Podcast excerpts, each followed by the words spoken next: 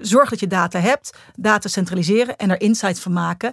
En die ook delen in het totale bedrijf. Je hoort Alexandra Lecro, Global Marketing en Communications Director bij Hunkemuller. CMO Talk, de podcast. Marketing bekeken vanaf het hoogste niveau. Hoi luisteraar, leuk dat je luistert naar CMO Talk. Ik ben Klaas Wijmen, oprichter van bureau Energize en jouw host. Vandaag hebben we Alexandra Lecro als gast in de studio. Zij is Global Marketing en Communications Director en ook boardmember bij Hunkemuller. Ze werkte daarvoor onder meer bij Mars, Mattel, DE Masterblenders en inmiddels zeven jaar, bijna zeven jaar bij Hunkemuller. Dankzij een scherpe marketingvisie zit de groei er bij de lingerieketen behoorlijk in. Ook online maakt het merk een sterke groei door, dankzij een goede integratie tussen marketing en e-commerce. Maar hoe zorgt Hunkemuller ervoor dat consumenten het merk weten te vinden? Hoe inspireer je mensen zodat zij vol overtuiging boven in de funnel instappen? We gaan het Alexandra vragen. Alexandra, van harte welkom in de studio. Dank je. Is dit jouw eerste podcastopname? Ja, zelf wel. Maar jullie hadden ook een podcast. Klopt. En dat doen we nog steeds af en toe. Was dat Love Letters Ja. from Hunkemuller? Klopt. Daar we vrouwen vroegen om eh, hun verhalen te vertellen over wat zij belangrijk vinden in het leven. En eh, we dachten, laten we dat ook proberen. En je zegt vroege vrouwen, bestaat het nog? Of is Het het... bestaat nog wel, maar we hebben de hoeveelheid dat we erin doen, hebben verminderd. Uh, reden is gewoon keuzes maken, prioriteiten stellen binnen het bedrijf. Uh, maar we gaan er wel weer mee in de bak. Nou, nogmaals dank voor je komst. Ja. Uh, Hunkemuller, ja, van oorsprong Nederlands. Je zou het misschien niet zeggen door de toch wat Duits aandoende naam. Uitgegroeid tot een uh, grote wereldwijde speler met meer dan 900 winkels maar liefst in 19 landen. En jullie groeien heel hard mede ook dankzij jullie datagedreven aanpak. Is groei voor Hunkemuller niet uh, op dit moment de heilige graal geworden? Groei als in expansie is wel een hele belangrijke drijfveer ons groei geweest, inderdaad.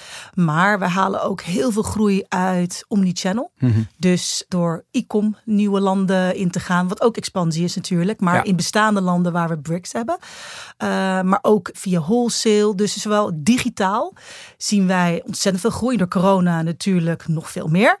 Maar groei als in landen, nieuwe landen gaan. Ja, dat is wel een hele belangrijke drijfveer voor de groei van het totale bedrijf. Mooi, we gaan een stapje terug. Ja. Als ik naar je cv sta, zie ik, wat ik net ook opnoemen, uh, ja, waanzinnig mooie bedrijven staan. Ja. Want je eerste bedrijf was bij Mars, volgens ja, mij. Klopt. En uh, ja, dat is natuurlijk ook echt een bedrijf waar marketing nou echt door de genen loopt, zou je bijna ja, zeggen. Klopt. En, en daarnaast uh, DE, ja. ook een lange tijd gezeten.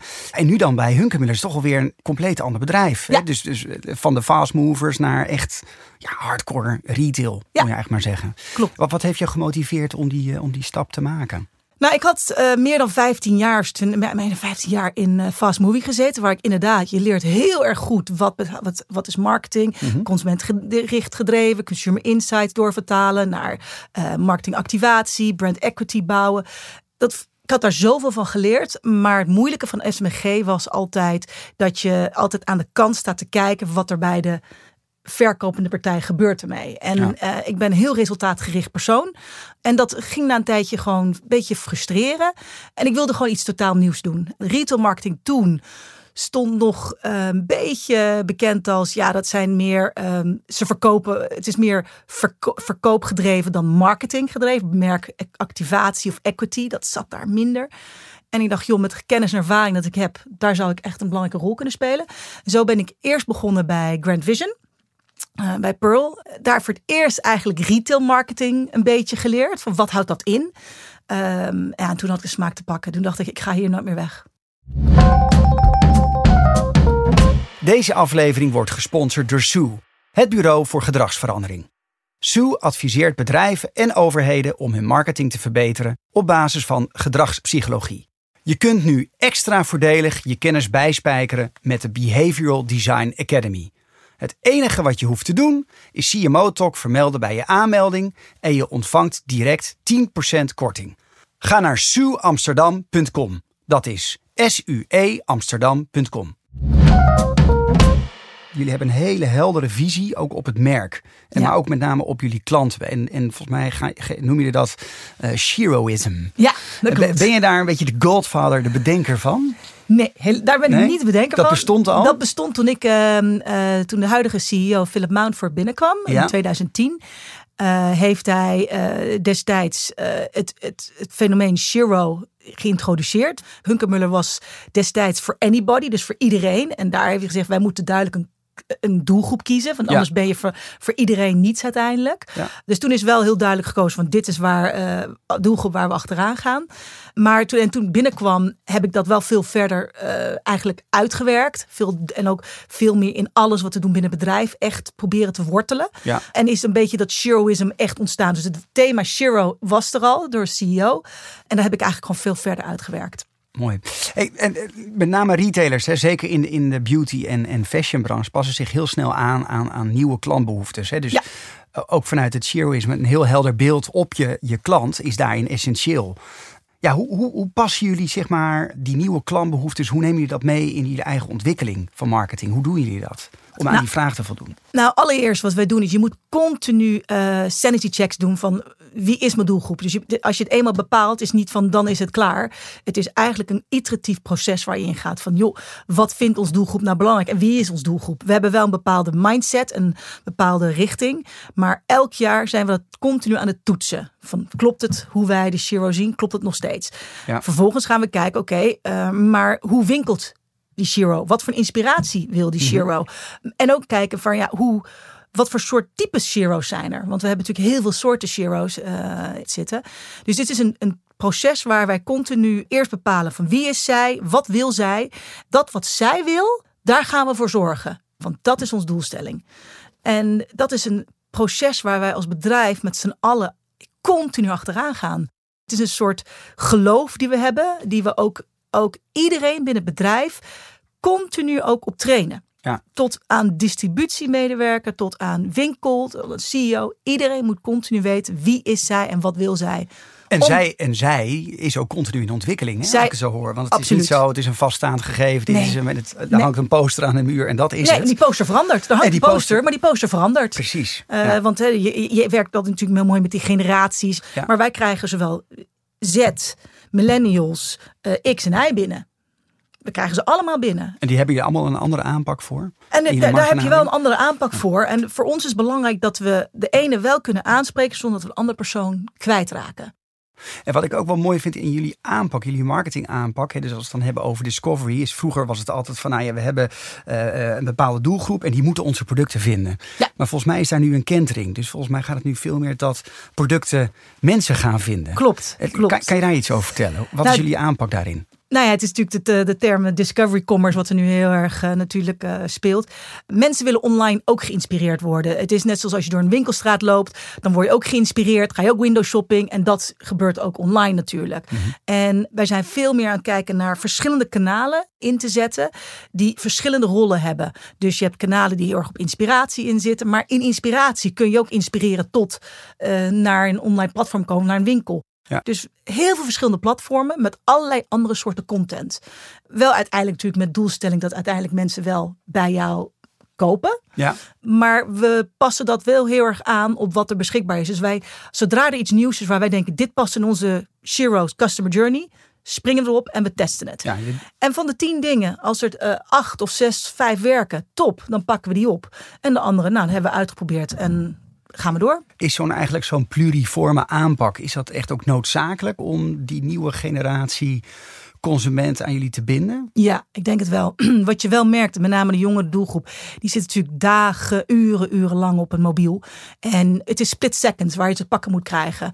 En alleen maar op één kanaal proberen hun vast te pakken te krijgen, is denk ik gewoon te eh, beperkend. Je moet juist op plekken zijn waar ze je niet verwachten, op een manier waar ze niet verwachten, om, om toch een stukje in hun brein, een stukje van hun geest te krijgen. Eh, En daar zijn die influencers heel erg belangrijk. Ja, en absoluut. wat is er gebeurd met Doutzen? Ja. Jullie stonden zo bekend om ja, maar Doutzen, Doutzen is een geweldige eh, eh, samenwerking geweest voor ons. En daar zijn we ook heel erg trots op wat we daar met haar hebben neergezet. Het is een prachtige vrouw, een mooi verhaal. Maar we hadden allebei zoiets van, na vier jaar is het ook tijd om weer door te gaan. nieuws. Ja. Ehm, zoals ik aangaf, Generation Z is en millennials, die willen ook heel graag is veel meer sneller iets nieuws. En wij staan ook voor inclusiviteit en diversiteit. Ja, en dan moet je ook die ruimte pakken om dat te kunnen laten zien. We gaan veel meer voor korte termijn partnerships, één of twee keer. Ehm, maar ook heel uiteenlopende type mensen. Ja. Mensen die gewoon uh, heel bekend zijn en in ons uh, doelgroep heel relevant zijn. Tot aan mensen die misschien helemaal niet bekend zijn, maar een prachtig verhaal hebben. Die combinatie, dat gaan we vanuit influencer marketing, het celebrity stuk, gaan we heel anders invullen. Mooi. Ik, ik hoor ook in je verhaal dat jullie ja, heel duidelijk werken vanuit een datagedreven aanpak. Ja. Zeg, nou, wij proberen tien dingen en als wij op basis van onze data zien dat het niet werkt, nou, dan nemen we er afscheid van. Als het wel Ja. werkt, gaan we door. Klopt. Marketeers die nu luisteren, welke drie dingen Mhm. moet je op orde hebben om hier succesvol in te zijn? Allereerst, je moet data verzamelen en wel op een gestructureerde manier. Dus niet zozeer alleen maar verzamelen, maar je moet van data ook insights kunnen maken. Ja. Dat is altijd het moeilijke daarvan. Natuurlijk, je hebt oh, eh, en ook je data centraliseren, zoveel mogelijk. Want eh, je kan vaak wat je ziet is dat mensen overal verschillende potten met data hebben, Ja. maar het praat niet met elkaar. En dan kun je nog steeds verkeerde beslissingen maken op basis van eh, de, alle data wat je hebt. Dus het zorg dat je data hebt, data centraliseren en er insights van maken. En die ook delen in het totale bedrijf. Wij hebben ook veel data en die data gebruiken we niet alleen voor marketing, maar die data gebruiken we ook voor buying en design. Van jongens, dit is wat wij zien wat er binnenkomt. We zien trends, we zien ontwikkelingen, dit is wat ze kopen, dit is wat we op maten zien. En dat, daar voeden wij ook hun mee. We voeden ook sales teams mee. Dus wij voeden het bedrijf met de data wat wij hebben. En daar, ja, dat is het data gedreven. Niet zeer alleen van de marketing, maar je totale bedrijf. Mooi. En volgens mij kun je ook voorspellingen doen hè? op basis van klantgedrag. Ja. Kun je ook eh, aangeven van, hey, staat iemand eh, op de tocht? Kan je daar iets over vertellen? Klopt. Nou, daar zijn we nu heel erg. We zijn al een tijd bezig met eh, ja, het mooie woord artificial intelligence. Ehm, daar zijn we al jaren geleden met simpele dingen begonnen vanuit CRM. Maar wat we nu mee bezig zijn met een eh, nieuwe partij is eh, iets wat we dan een churn indicator noemen. Eh, en dat heeft te maken met al- alvast voorspellen welke mensen zouden potentieel kunnen churnen. En churnen betekent dat we ze kwijtraken. Dat ze Ja. een jaar niet bij ons gekocht hebben. Dat we ze potentieel anders kwijtraken als we geen actie ondernemen. We kunnen al van tevoren voorspellen, als je naar gedrag kijkt van persoon A en je pakt iemand die erop lijkt B, dan zie je dat je op zo'n moment eigenlijk hun een voorstel moet doen. Of je moet hun een boodschap gaan sturen. Ja. Ehm, want anders potentieel raak je ze Ja, kwijt. je moet ze opnieuw activeren. Je moet ze activeren. Eh, maar ook op, wij zien iemand die altijd in de zomer, die koopt iets. Nou, die persoon heeft afgelopen zomer nog niks gekocht. Misschien wel in de winter, maar afgelopen zomer niks. Ja, maar dan moeten we eigenlijk die persoon kijken van, joh, is dit iets voor jou? Is er een reden waarom je niet bij ons wil kopen? Of kunnen we jou iets vinden voor jou wat interessant is? Dus daar zijn we nu heel erg mee bezig om, om alvast mensen te gaan voorspellen. Waar we denken, nou, dit zijn mensen die potentieel kwijt kwijt. Of mensen die we wel misschien eh, tot andere aankopen kunnen krijgen. Ja, en dat is natuurlijk superleuk om dat is te doen. natuurlijk het summum van maar, marketing. Maar op basis van hun gedrag. Dus zo persoonlijk en relevant mogelijk maken. Niet gewoon rammen met eh, allerlei boodschappen en kijken wat er eh, beklijft. Maar gewoon veel gepersonaliseerder op momenten waar je weet, dit is een persoon die dan in de markt is. Dan moet je ze pakken. Ja, ik zie ook dat je helemaal enthousiast Oh wordt als je over die, over die heerlijk. combinatie van. Het is toch ook een beetje tech meets marketing, creativiteit. Ja, dat vind ik zo mooi in het vak. Ja, waar gaat het heen met, met marketing? eh, het marketingvak. Ik weet dat je niet heel erg van bespiegelingen bent, maar toch. eh, ja, AI en het wordt door technologie wordt het ons zo makkelijk gemaakt om ja, inderdaad onze segmenten te allokeren. Eh, je kan eh, dat allemaal automatiseren, hè? dus met marketing automation. Ja. Ehm, is er nog wel straks toekomst voor de marketeers zoals we die nu kennen? Ik denk de marketeer van nu hopelijk al zo is omdat als jij niet zo nu al bent, dan ga je het ook gewoon niet redden de toekomst. Want het. eh, Jongens, dit is de noodklok van Alexandra. Ja, ja, maar ik denk echt, het gaat om eh, creatie en data. Die twee, Ja. creatie en technology bij elkaar. Dat is marketing van nu. Dat is, niet, dat is marketing van eigenlijk drie, vier jaar geleden ook. Ehm, maar er komt veel, het komt sneller op je af wat er Ja. allemaal mogelijk is. En Ja. de ene kant zeg je van wat je net zei van joh, dat is eh, heel erg leuk. Maar het is ook moeilijk. Want wat doe je wel, wat doe je niet? Er wordt zoveel op je, er komt zoveel op je af qua technologie. Ja. En het is ook waar, Waar begin je? Waar begin je? Welke begin je mee? En, Ja. ehm, Hoe doe jij dat dan? Is het Ja. niet soms overwhelming? Je bent weer bij een congres geweest. Nou, nu Ja, dan niet. Hè? ja. Je hebt weer een webinar gevolgd. En, en dan zie je weer gave tool of tech trend. En denk van, poeh, nou, daar gaan we op inspringen. Het, het is zoveel. Hoe maak, jij, hoe maak je daarin de keuzes? Ehm, nou het is iets wat je niet alleen doet. Dat doe je samen met je team en ook vanuit eh, marketing. Wij doen ook heel veel samen met Omnichannel. Van wat vinden wij belangrijk? Eh, Waar staan wij in de roadmap van wat wij zelf al willen veranderen? En wat past er in die roadmap? En ik moet zeggen, soms zien, komt er iets langs en denk van ja, die stond niet op ons roadmap. Daar waren we helemaal niet van plan. Maar we gaan het gewoon doen. Gewoon doen. En dat is wel het leuke bij Hunkemuller. Het is een bedrijf wat ook al zijn we best groot. We zijn heel erg ondernemend. We proberen gewoon dingen. Dus Weet ik al morgen wat ik allemaal ga doen? Of wat er, nee, ik, we proberen dingen, maar we, we houden wel vast. En dit is, dit is het core wat er wel echt moet gebeuren. En dit zijn dingen die wel of niet daarop aanpassen. En ja, hoe ik dat. Het is, het is niet een, een eh, science of zo. Of eh, dat we daar keiharde regels voor hebben. Maar het is een gevoel. En dus ook kijken van capaciteit. Wat kunnen we wel, wat kunnen we niet. Maar we niet, ja. er is zoveel meer mogelijk. En dat frustreert ook soms hoor. Ja. Want ja, je wil zoveel meer. Want je ziet dat er zoveel meer kan. Ja, het is bewust keuzes Maar het zijn maken. keuzes maken eh, wat je samen maakt met de teams intern. Van wat Ja. kunnen we wel en wat kunnen we niet. Abonneer je op cmotalk.nl en ontvang elke maand de nieuwste gesprekken in je mailbox. In CMO Talk leggen wij eh, onze gasten altijd een stelling voor. Mm. En hier komt jouw eerste. Marketing staat in dienst van de business. Marketing staat in dienst van de business. Ja, marketing. Als jij, ehm, en als je business ook bedoelt, eh, verkopen natuurlijk. Ja, als jij eh, geen marketing doet, heb je ook geen business. En je hebt geen business zonder marketing. Dus eigenlijk sta je hand in hand. Je hebt ze allebei nodig. Nou, dat is een mooie. eh, daar wilde ik ook naartoe. Want in heel veel organisaties liggen ja, marketing en commerce of marketing en sales eh, in elkaars verlengde. Hè. Dat zijn vaak ook nog wel eens. eh, als je het goed doet, doe je het samen. En als je het niet goed doet, stop je ze in silo's. En Ja. com- hè, communiceren ze niet met elkaar. En, Ja. en jullie staan bekend dat jullie juist die, vanuit die aanpak een hele geïntegreerde eh, methodiek hebben ontwikkeld. Of in ieder geval heel effectief samenwerken tussen beide afdelingen. Hoe is dat concreet bij jullie ingericht? Kan je daar iets over vertellen? Ehm, nou, eigenlijk allereerst wat eh, vrij, eh, vrij simpel iets. En gek genoeg, wat niet vaak gebeurt. Is dat we gewoon gezegd hebben toen de Omnichannel Director bij ons begon. Wij begonnen bijna dezelfde tijd. Ehm, er zat drie maanden verschil tussen. En wij hadden meteen zoiets van ons teams moeten naast elkaar zitten. Dat zaten ze al, maar ze moeten door elkaar heen. Juist, Dus we hebben gewoon letterlijk een bijvoorbeeld heel simpel een traffic blok gemaakt. Alle mensen die zich bezighouden met traffic, ongeacht of het vanuit omnichannel gedreven is of vanuit marketing, ze zitten naast elkaar. Eh, en waarom? Gewoon om continu met elkaar af te stemmen. Wat ben je en ook te luisteren, wie doet wat, et cetera. Dat is eigenlijk communicatie is het begin van alles. Gewoon da- daarnaast hebben we gezegd, alle strategie-meetings doen we samen. Teamuitjes deden we ook heel veel samen. Gewoon, ook al ben je, heb je twee eh, directors die erboven zitten, wel als één te opereren. Dus we werken gewoon heel nauw samen.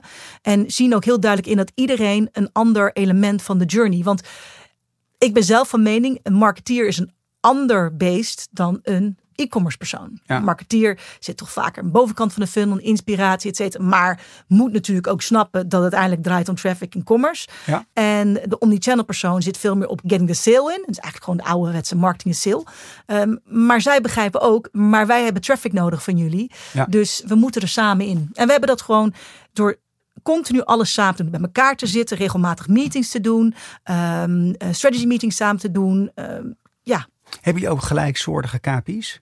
Waar jullie op sturen? eh, ja, nou, we hebben dus traffic. Ze hebben een, een, eh, een KPI ge- eh, gezamenlijk. Toen ik binnenkwam, had ik als enige het KPI, een van de KPI's was met name store traffic. Ja. Maar ik zei, joh, eigenlijk alles wat wij doen is heel erg online traffic. En, van, van, en dan vanuit online naar de store, dus omni. Ja. Dus online traffic hebben we gezamenlijk. En we krijgen meer en meer gezamenlijke KPI's. Dus bijvoorbeeld member acquisitie wordt Ja. ook een van hun. Dat was eentje van de stores en van marketing. Maar member acquisitie wordt vanuit online ook een hele Voor belangrijke KPI. Loyaliteitsprogramma. Ja, vanuit een loyaliteitsprogramma om acquisitie te doen online. Dus je ziet wel dat we meer en meer gezamenlijk. En dat is juist goed. Want dat betekent dat je met z'n allen achter dezelfde dingen aangaat. In plaats van je eigen dingen eh, bepalen. Maar toch, misschien hoor je dat ook wel in gesprekken met marketeers, botert het heel vaak niet tussen marketing en sales. He- he- Zou je daar een verklaring voor hebben?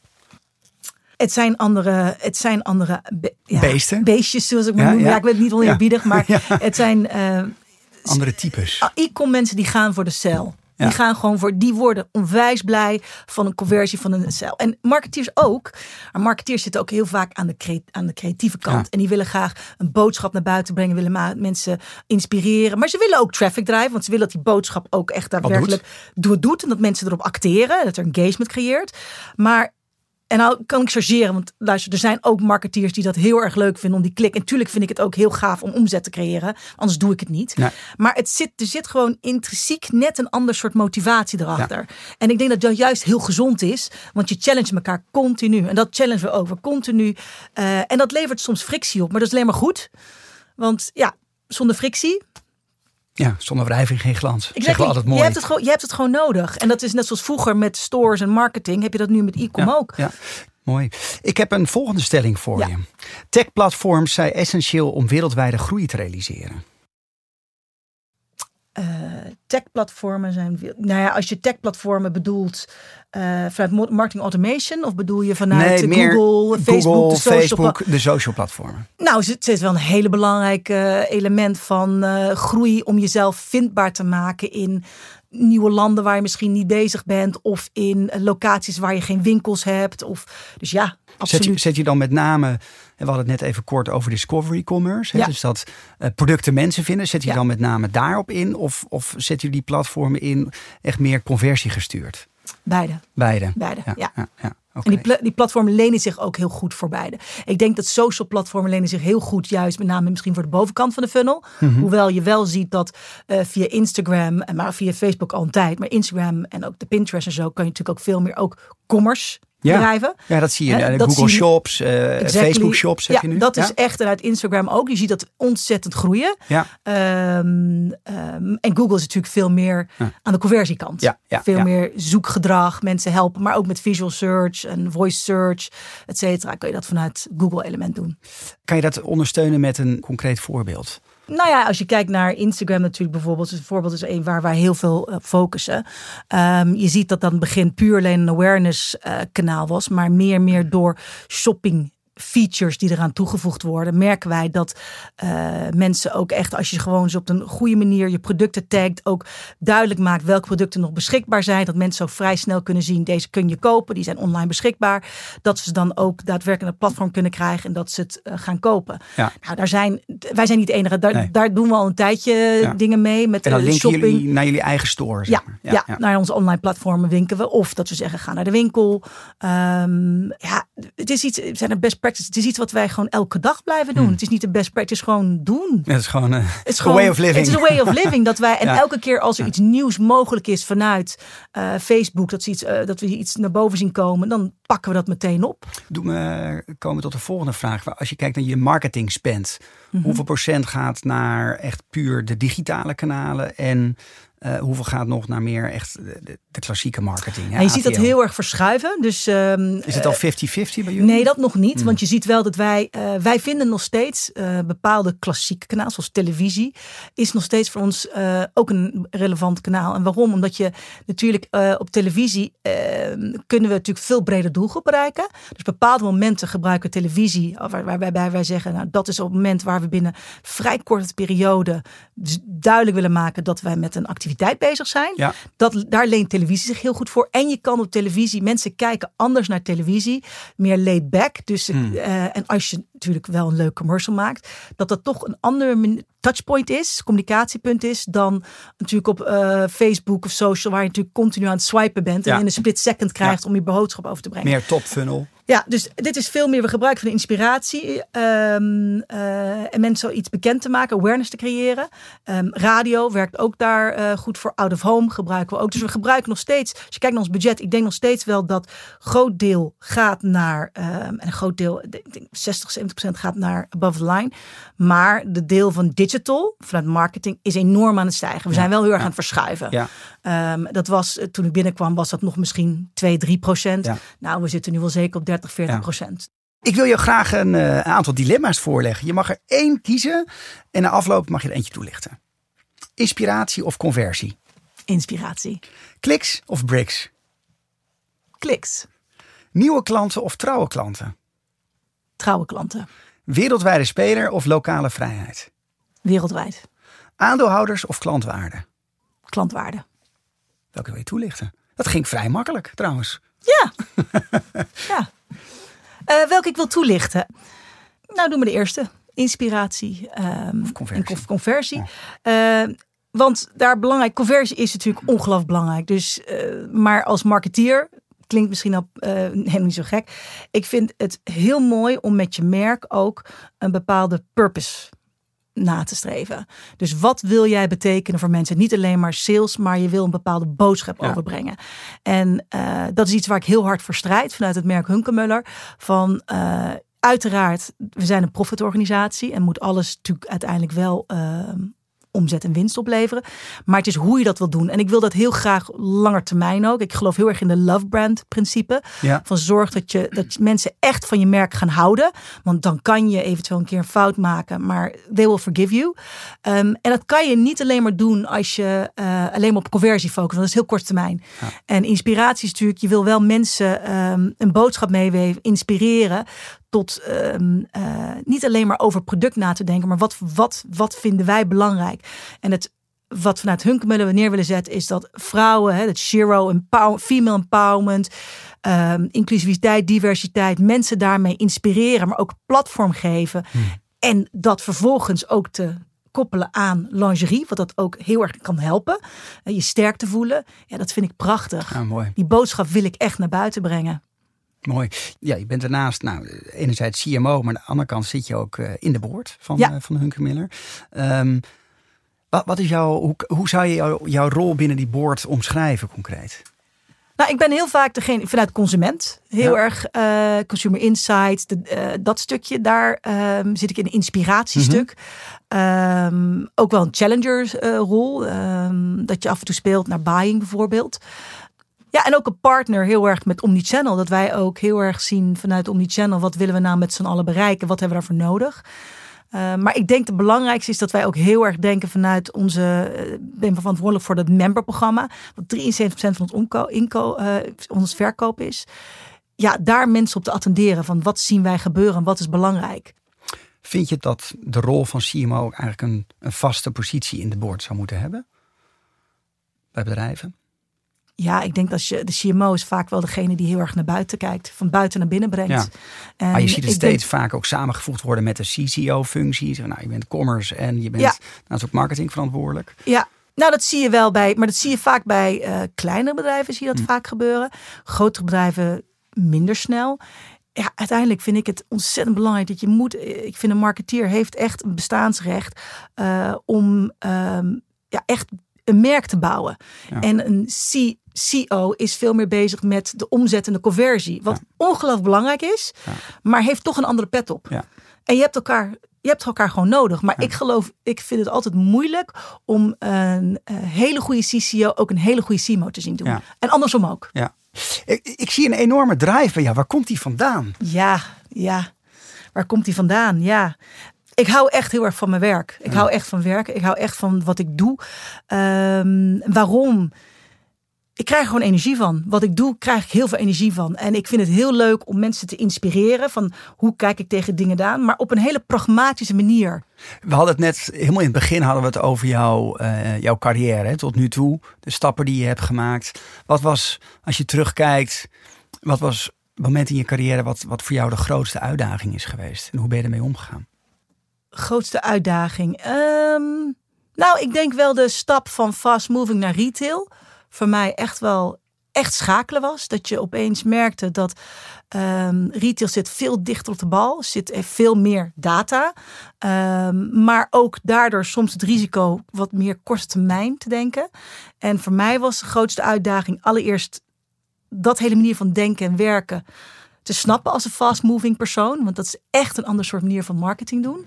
Ja. Uh, maar ook wel vasthouden aan wat je geleerd hebt. Dus niet te veel in meegaan. Nee, dus wel nee. duidelijk zijn: oké, okay, ik snap dat we moeten kijken naar wat is de conversie morgen, overmorgen, of wat is mijn verkoop, mijn, mijn actieplan voor volgende week. Maar ook wel heel goed voor de bril houden van waar wil ik naartoe met het bedrijf en met het merk. Ik heb een laatste vraag voor je, want we vliegen door de tijd heen. En op LinkedIn lees ik hele mooie en warme uh, aanbevelingen over jou. Misschien heb je ze zelf ook wel eens gelezen. Hoe, hoe zouden uh, je collega's jouw leiderschapsstijl omschrijven? um, nou, uh, ze zeggen ik ben een challenger. Ehm, ben iemand die continu vraagt, maar waarom? En wat ga je eraan doen? Dus dat vinden ze leuk. En soms vinden dat, vinden dat moeilijker, maar meer vinden ze leuk. Ehm, energie. Ze zeggen, jij bent uh, full force. Ik ben heel gepassioneerd in wat ik doe. En hoop dat ook over te brengen op mijn uh, teamspelers. Um, ik ben iemand die gewoon dingen gedaan wil krijgen. Mm -hmm. Ik geloof gewoon absoluut niet in. Uh, het glas is altijd half vol bij mij. Ga je door de muren heen dan ook? Nou, als het moet wel. Ja, ik durf. Ik, ik hou ook wel van verandering. Dingen gewoon uh, anders in te vullen als het nodig is. Um, maar ik denk dat het belangrijkste, en dat zul je ook in de reviews zijn. Ik ben iemand, ik ben teamspeler. Ik wil gewoon heel graag met het team iets bereiken. Niet zozeer alleen marketing, maar met totaal. Um, ben iemand die wel een hele duidelijke mening over dingen heeft. Mm. Um, heel gedreven. En ja, wel hou ook van of echt van mensen verwacht dat ze ook datgene wat ze doen er ook voor 100% voor gaan. Want dat doe ik. Ja. Ik geef gewoon 200%. Ja. En ik hoop dat ook vanuit andere mensen te krijgen. Ik wil je bedanken, Alexander, voor jouw uh, tijd en komst naar voicebooking en luisteraars. Nou, te gek dat je weer hebt geluisterd naar CMO Talk. Wil je nou geen aflevering missen? Je kan je heel eenvoudig aanmelden op cmotalk.nl. Klik op het rode knopje rechtsbovenin. We zijn overigens bezig met een compleet nieuwe site. We gaan in het najaar ook komen met een Engelse versie van CMO Talk. Daar gaan we echt de allergrootste CMO's van deze aarde interviewen. Zoals Alexandra, maar dan in het Engels. Daar kijken we naar uit. Heb je een CMO in je netwerk? Zeg van, oh, ik ken uh, de CMO van Nike of de CMO van Adidas. En wat te gek, dat ga ik niet zelf doen. Daar hebben we iemand anders voor, voor gecast. Dat is een Brit. Adam Fields gaat dat doen. We hebben er heel veel zin in. Het is een nieuwe stap voor CMO Talk. Dus denk vooral mee en we staan open voor jullie feedback. Dat kan naar klaas.cmotalk.nl klaas.cmotalk.nl En we hopen je weer te horen bij de volgende aflevering. Dank voor het luisteren. Dit was CMO Talk. Bedankt voor het luisteren. Ben je geïnspireerd? Laat dan een review achter. We zijn niet alleen benieuwd naar jouw mening, maar je helpt andere luisteraars om deze podcast ook te vinden. De CMO Talk podcast is ontwikkeld en geregisseerd door Energize. Audio, mixing en mastering door Voicebooking. CMO Talk is mede mogelijk gemaakt door onze gewaardeerde partners Adobe, Microsoft, Facebook en Accenture Interactive.